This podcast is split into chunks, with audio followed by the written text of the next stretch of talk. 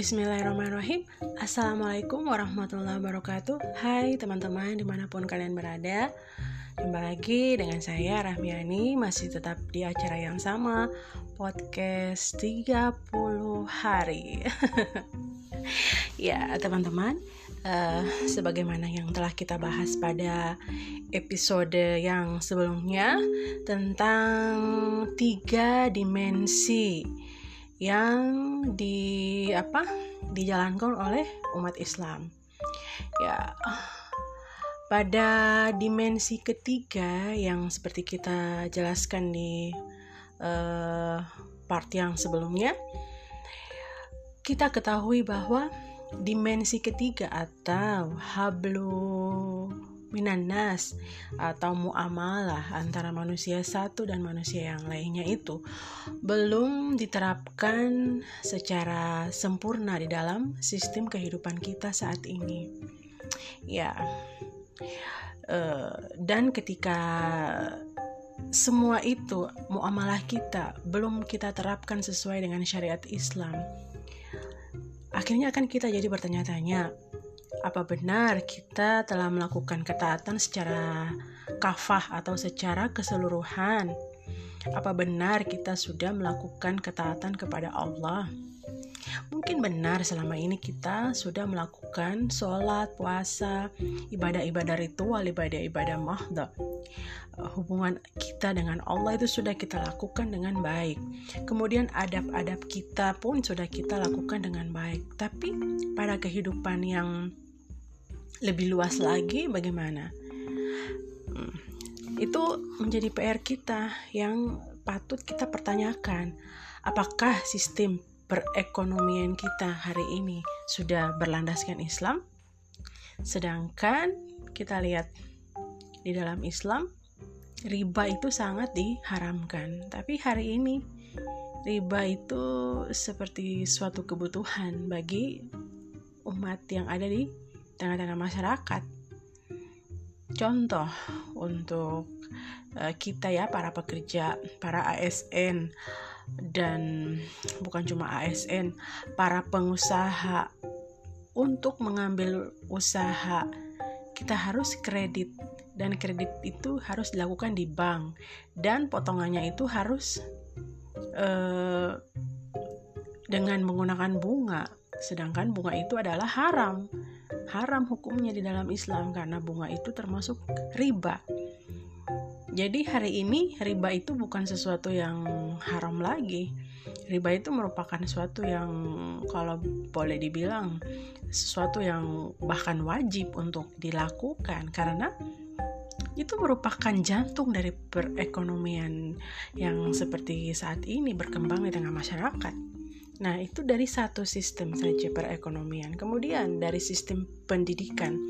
Apakah pendidikan anak-anak kita di sekolah sudah berlandaskan Islam? Padahal kita lihat di sekolah dalam satu minggu pelajaran agama itu cuma berapa jam?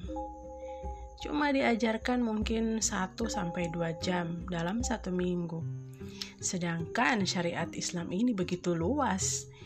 Kita harus mengetahui bagaimana tata cara apa pun yang berkaitan dengan kehidupan manusia ini. Tetapi apakah itu cukup diajarkan pada anak-anak kita? Apakah cukup juga setelah itu hanya dengan belajar membaca Al-Quran? Apakah itu cukup?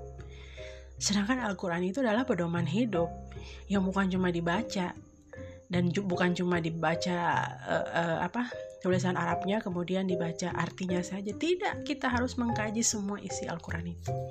Tapi apakah sistem pendidikan kita hari ini berdasarkan Al-Quran? Tidak kan? Kemudian yang berikut PR kita juga uh, apa benar hukum-hukum yang kita terapkan ini sudah sesuai dengan syariat Islam Coba kita lihat hukum bagi seorang koruptor umpamanya. Itu pun setelah apa? melakukan kerugian besar untuk negara. Mengambil jalan pintas dengan melakukan korupsi. Kemudian dihukum, umpamanya dihukum e, lima tahun. Tapi dalam perjalanannya hukuman itu dipotong lagi. Akhirnya bebas merdeka. Hukum-hukum yang ada pun tidak memberikan efek jerah sama sekali kepada para pelakunya. Sehingga orang bebas begitu saja masuk keluar bahkan mungkin orang yang tadinya uh, tidak mempunyai pengalaman dalam kejahatan akan tetapi setelah masuk ke dalam penjara yang di tengah sistem sekarang ini seorang penjahat amatiran. Begitu keluar dari penjara dia bisa berubah menjadi penjahat profesional. Bisa belajar membunuh di dalam penjara. Karena sistem hukum kita hari ini bukan sistem hukum berdasarkan Islam. Orang mencuri bebas berkeliaran masuk bahkan enak masuk ke dalam penjara. Apalagi bagi orang-orang berduit. Mereka bisa memberikan uang lebih kemudian bisa enak. Tidur bangun mendapatkan fasilitas yang seperti di hotel hanya berbeda nama. Ya uh, seseorang bisa dengan mudahnya membunuh atau menghilangkan nyawa seseorang. Hanya dihukum beberapa tahun apa? Hanya dihukum beberapa tahun penjara kemudian bisa bebas melenggang begitu saja tapi berbeda dengan hukum-hukum Islam. Hukum-hukum Islam itu mempunyai efek jerah dan dapat e, menghilangkan dosa dari pelakunya sehingga apabila dia meninggal dia tidak akan dihukum lagi di hadapan Allah. Tapi hukum-hukum kita saat ini bagaimana? Kemudian e, tentang kesehatan, keamanan, dan politik luar negeri semua itu apakah sudah dilakukan berdasarkan syariat Islam? Semuanya menjadi PR besar. Kita lihat saja penanganan COVID hari ini. Peraturan demi peraturan yang sering digonta-ganti. Kebijakan-kebijakan yang dibuat oleh pemerintah pun tidak pernah kita melihat apakah kebijakan itu benar atau tidak. Padahal di dalam Islam jelas apabila terjadi wabah, maka kita harus melakukan karantina seperti uh, sabda Nabi. Melakukan karantina, memutus mata rantainya, orang yang di luar tidak boleh masuk dan orang yang di dalam tidak boleh keluar. Tapi lihat kita, hanya dengan wabah Covid ini saja. Sebentar-sebentar karantina, sebentar-sebentar PSBB, sebentar-sebentar sudah dilanggar lagi semua itu. Tidak ada satu kebijakan pun yang dijalankan dengan benar.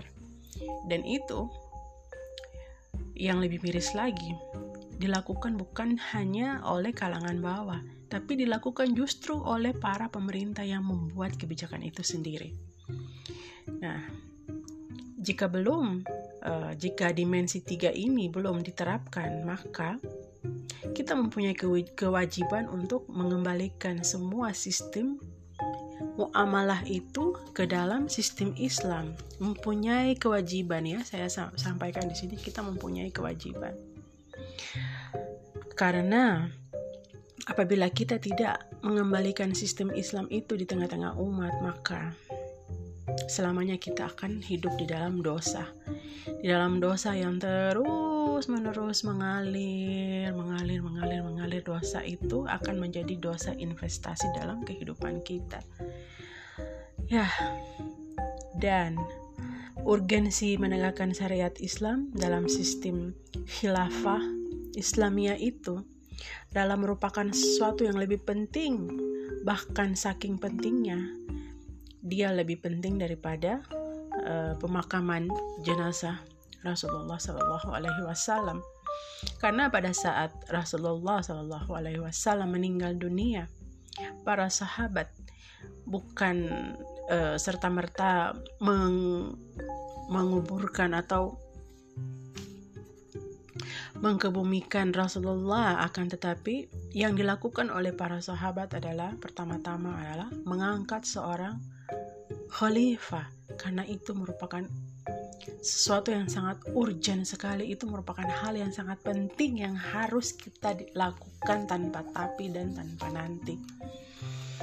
Ya, sedangkan kita hari ini sudah hidup beratus tahun, berpuluh-puluh tahun, bahkan mungkin sudah beratus tahun ya, jauh dari syariat Islam. Ya, itu berbagai macam pertanyaan yang insya Allah besok kita akan lanjut lagi dengan pembahasan yang lebih mendalam lagi. Malam ini saya tinggalkan berbagai macam pertanyaan kepada teman-teman. Kiranya teman-teman mau berpikir apakah benar kita sudah melakukan ketaatan kepada Allah Apakah benar muamalah kita selama ini sudah sesuai dengan syariat Allah? Demikian teman-teman, saya sudahi dahulu. Insya Allah besok kita jumpa kembali masih dengan pembahasan yang sama atau bersambung ke episode yang berikutnya. Billahi taufiq wal hidayah. Wassalamualaikum warahmatullahi wabarakatuh.